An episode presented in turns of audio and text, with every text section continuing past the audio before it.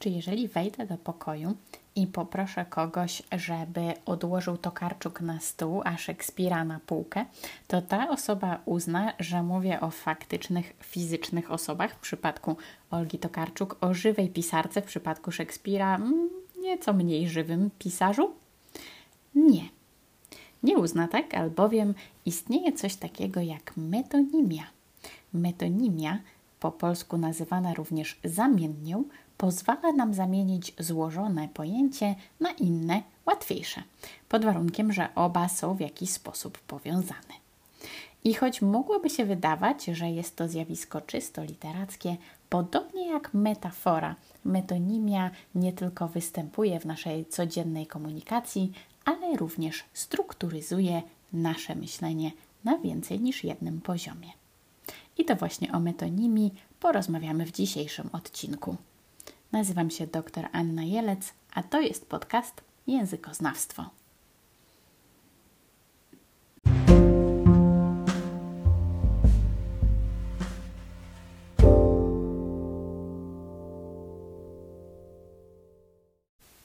W jednym z poprzednich odcinków, a pewnie nawet więcej niż jednym, wspominałam o George'u Lakoffie, jednym z dwóch autorów świetnej książki Metafory w naszym życiu. Książka ta, napisana razem z Markiem Johnsonem i świetnie przetłumaczona na polski przez profesor Tabakowską, pokazuje, że metafora odgrywa bardzo istotną rolę w naszym myśleniu. Nie tylko używamy jej do opisania jakiejś rzeczy w kategoriach innej rzeczy, ale również, a może przede wszystkim, myślimy metaforycznie. Jednak metafora pojęciowa to nie jedyne zjawisko, które powszechnie uważa się za typowy zabieg poetycki, a tak naprawdę strukturyzuje myślenie. Kolejnym takim zjawiskiem jest bowiem metonimia, a tu konkretnie metonimia poznawcza.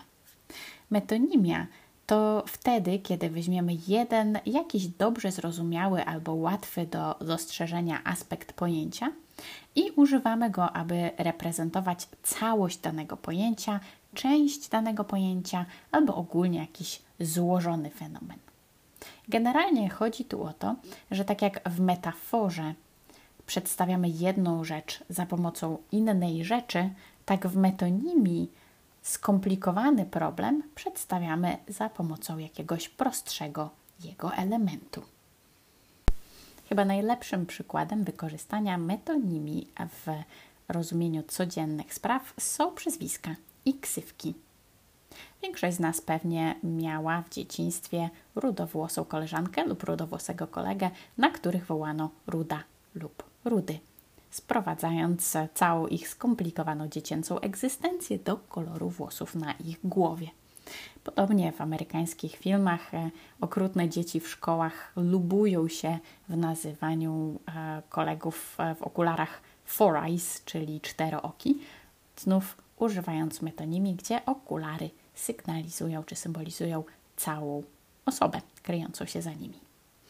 Ale nie kończy się to w dzieciństwie. Dla przykładu Andrzej Kolikowski, czyli znany gangster pod pseudonimem Pershing, uzyskał ten, ten pseudonim, e, jak piszą Ewa Ornacka i Piotr Pytlakowski w nowym alfabecie mafii, dzięki temu, że miał bardzo dużo energii, więc żył szybki jak pocisk i stąd Pershing. Z drugiej strony oczywiście mamy ksywki czy pseudonimy nie tak zaawansowane, bo na przykład bliskim współpracownikiem Pershinga był Marek M. o pseudonimie Gruby Marek. I tutaj mamy do wyboru już tylko dwie opcje. Albo Marek M. był zaiste gruby i stąd ta metonimia, albo był bardzo chudy i stąd ta metonimia um, działająca na zasadzie kontrastu. W każdym bądź razie, i to zupełnie niezależnie od wagi marka M, tak właśnie działa metonimia. Pozwala nam sprowadzić złożone zjawisko, takie jak cała osoba bądź jakieś abstrakcyjne pojęcie, do jakiegoś łatwiejszego do ogarnięcia umysłem aspektu, a więc wyglądu w przypadku osoby czy przedstawiciela w przypadku na przykład kraju. Gdzie możemy spotkać metonimię w codziennym życiu? No cóż, metonimia jest trochę jak grzyby, w tym sensie, że znajduje się absolutnie wszędzie i natknąć się na nią możemy także wszędzie i z nienacka. Dla przykładu, jeżeli poproszę kogoś, aby położył chmielewską na stole, to zdanie nie jest dziwne tylko i wyłącznie dzięki temu, że zastosowałam tam metonimię, bowiem mam na myśli książkę Joanny Chmielewskiej, a nie samą autorkę, skąd inąd e, już nieżyjącą, ale myślę, że uradowałoby ją to porównanie. A więc jeżeli mówię połóż na stole Chmielewską, to mam na myśli książkę Chmielewskiej, e, stosując metonimię autorka za dzieło. Innym przykładem metonimii to na przykład część ciała za osobę.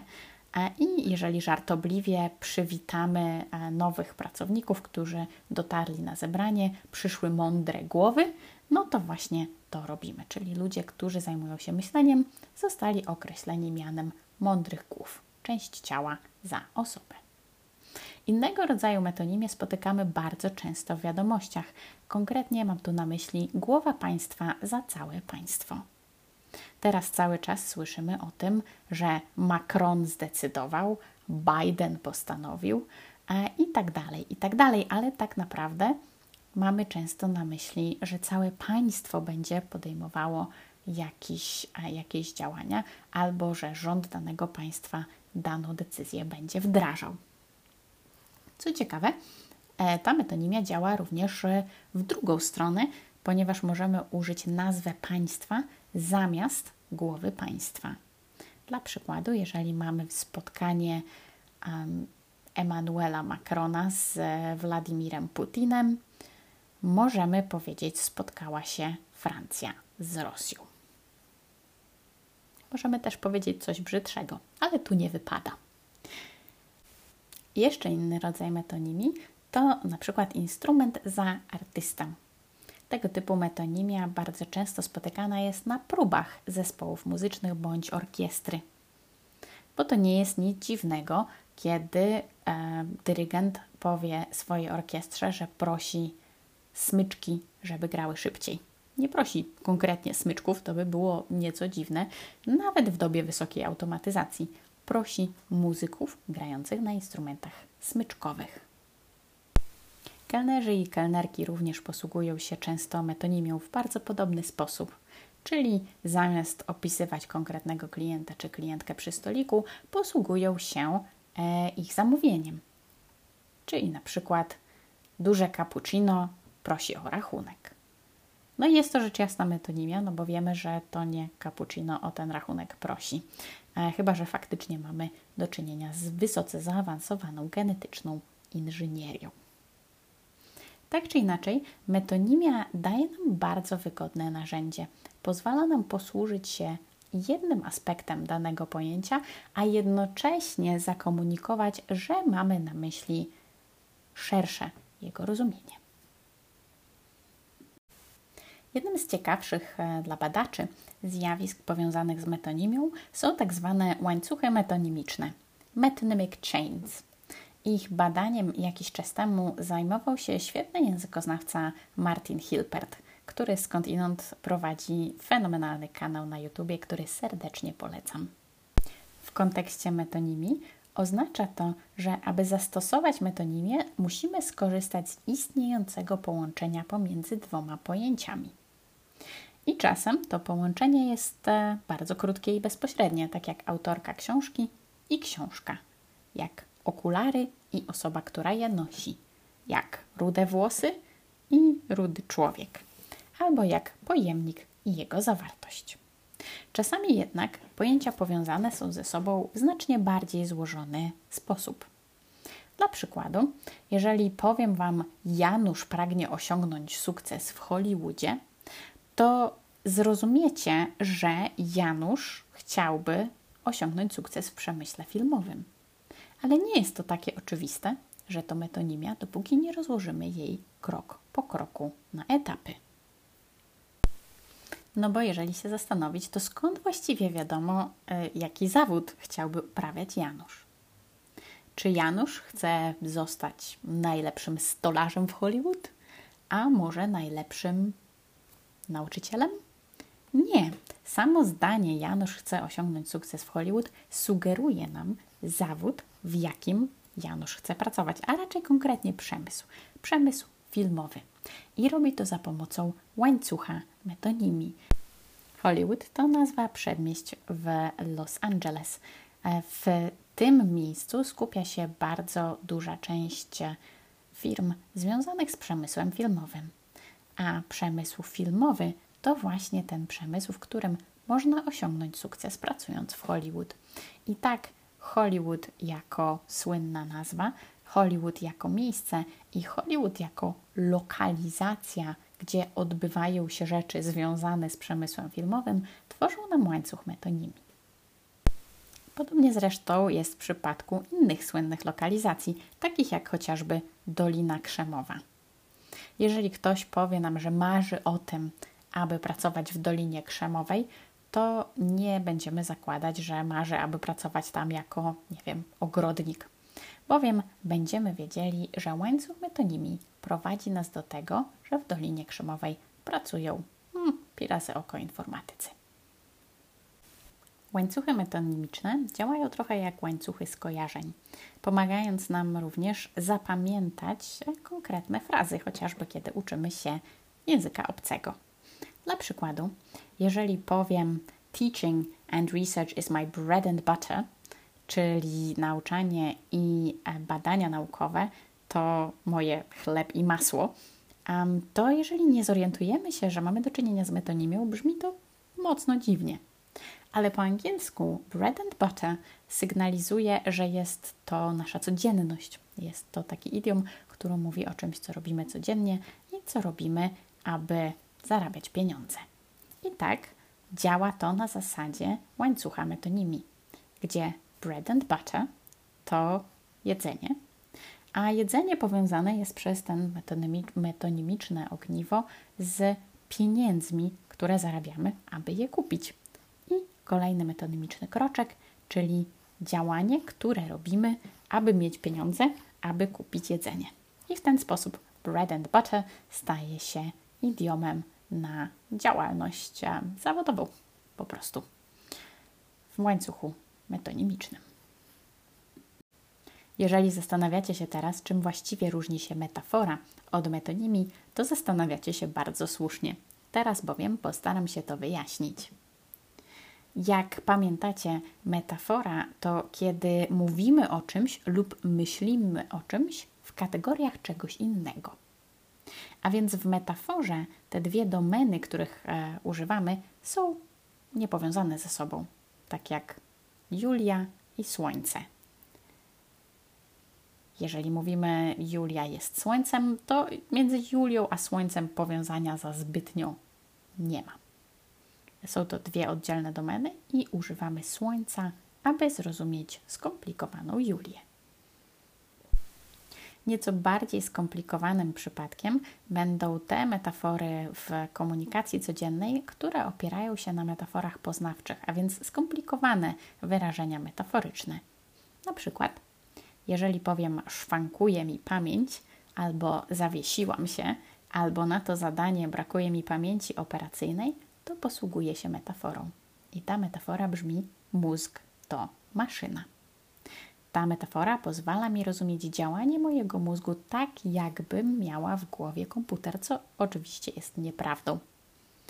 Mózg i maszyna stanowią zupełnie dwie oddzielne, niepowiązane ze sobą pozornie domeny i używamy jedną, aby zrozumieć drugą. W metonimii też mamy do czynienia z dwiema domenami, jednak między nimi musi istnieć jakaś relacja. Czy to autorka za książkę, kiedy poproszę o położenie tokarczuk na regale, czy to część ciała za osobę, kiedy powiem, musi się zająć tym jakiś mózg, kiedy mam na myśli, że musi się zająć tym kimś bystrym. W metonimii kluczem jest to, że między domenami już jakieś powiązanie zachodzi, czyli autorka już tę książkę napisała, albo ktoś, kogo nazwamy, nazwiemy mózgiem, e, posiada ten mózg. Najbardziej skuteczne metonimie to takie, które wyłapują najbardziej oczywisty aspekt e, danego zjawiska czy osoby. I to dlatego e, większość obelg wykorzystuje metonimię. Dlatego trzeba je używać z rozwagą.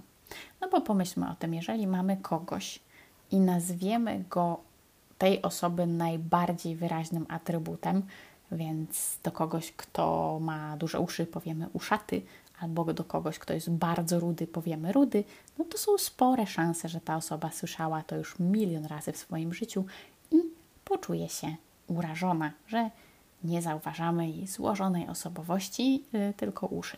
Także metonimie mają znacznie większy potencjał obraźliwości niż metafory. To było Wasze językoznawcze ostrzeżenie. Metonimie. Przed zastosowaniem zapytać lekarza, farmaceutę bądź językoznawcę. Może głównie językoznawcę. I w tym aspekcie też metafora od metonimii się różni. Jest bowiem duża różnica w tym, jak działa skuteczna metafora i skuteczna metonimia. No bo zastanówmy się. Jeżeli uświadamiamy sobie bogactwo sugestywnych obrazów, które tworzą daną metaforę, jak na przykład e, zastanawiamy się nad tym, jak ważna jest Julia dla Romea, ponieważ nazwał ją słońcem, jak jasna jest jej obecność, jak istotna, jak centralna dla jego egzystencji, to jest skuteczna metafora, bo zaczęliśmy rozkminać relacje między domenami. Natomiast jeżeli uświadomimy sobie obrazy, które zawarte są w metonimii, to metonimia nas zawiodła. Dla przykładu, w 2019 roku w portalu na temat opublikowano artykuł pod tytułem Wiwisekcja polskiej mody na wakacjach, gdzie pani stylistka Ewelina Rydzyńska bez oporów nazywa Polaków Januszami i Grażynami i krytykuje ich styl na wakacjach, innymi te słynne skarpety do klapek. Już jakby abstrahując od samego faktu, jak bardzo stylowi musimy być na wakacjach e, i pamiętając o tym, że to było jeszcze wtedy, kiedy wszyscy mogli jechać na wakacje, bo 2019 rok to był zupełnie inny świat, to jeżeli przyjrzymy się um, w tym tekście, to zaraz odkryjemy, dlaczego ten tekst wywołał tak duży odzew. I odzew ten był negatywny, bowiem Słowo Janusz na określenie polskiego mężczyzny jest metonimią i przywołuje jakieś jego konkretne cechy. Konkretnie zazwyczaj jest to Polak z brzuszkiem w skarpetach do klapek na plaży i ogólnie nie wywołuje to zazwyczaj emocji pozytywnych. I podobnie Grażyna, taki trochę polski odpowiednik tej amerykańskiej Karen. Znów metonimia, znów metonimia, która ma e, tworzyć niepochlebny obraz danej postaci nazywając e, dane osoby Januszem i Grażyną, artykuł miał posłużyć się właśnie metonimią. Miał stworzyć w głowie czytelnika obraz takiej typowej Polki i typowego Polaka, pary na wakacjach, i ten obraz miał być niepochlebny. W momencie jednak, gdy czytelnicy zakwestionowali tę ocenę jako negatywną, czyli zaczęli utożsamiać się sami z Januszami i Grażynami i przyznawać się radośnie do noszenia klapek e, do skarpet, to ta metonimia się e, okazała nieskuteczna. Czyli tekst nie osiągnął tego, co zamierzała autorka, nie stał się skuteczną krytyką jakichś tam zwyczajów odzieżowych, a został rozłożony na części pierwsze i od góry do dołu objechany w mediach społecznościowych jako bezsensowny i opierający się na stereotypach. I jakby już abstrahując od dyskusji o modzie, ten tekst bardzo ładnie pokazuje, co się dzieje, kiedy metonimia nam nie zadziała.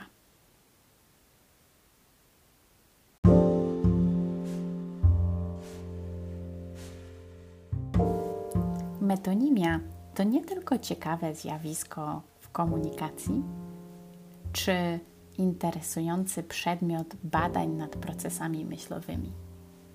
To również, a może przede wszystkim, fascynujące narzędzie do zrozumienia komunikacji między ludźmi i do zbudowania przekazów, które trafiają do odbiorcy. Chybiona metonimia prawie na pewno będzie obrażać. Będzie brzmiała jak e, wyzwisko w najgorszym wypadku, a w najlepszym jak bardzo duże spłycenie problemu. Jednak wykorzystana z gracją i profesjonalnie, metonimia pozwala nam spojrzeć na konkretny aspekt sprawy, pokazać, co jest według nas najważniejsze i pomóc naszym odbiorcom na tej istotnej kwestii się skupić. Dlatego to ma znaczenie, czy mówimy Polska zdecydowała, czy mówimy parlament zdecydował, czy mówimy posłowie PiSu zdecydowali, czy powiemy konkretna osoba podjęła decyzję. Bo od wyboru naszej metonimii będzie zależało to, kogo obarczymy odpowiedzialnością za dane postępowanie. Co ciekawe, metafora i metonimia często występują razem, tworząc hybrydowy frankenstwór o nazwie metaftonimia. I metaftonimię również można analizować.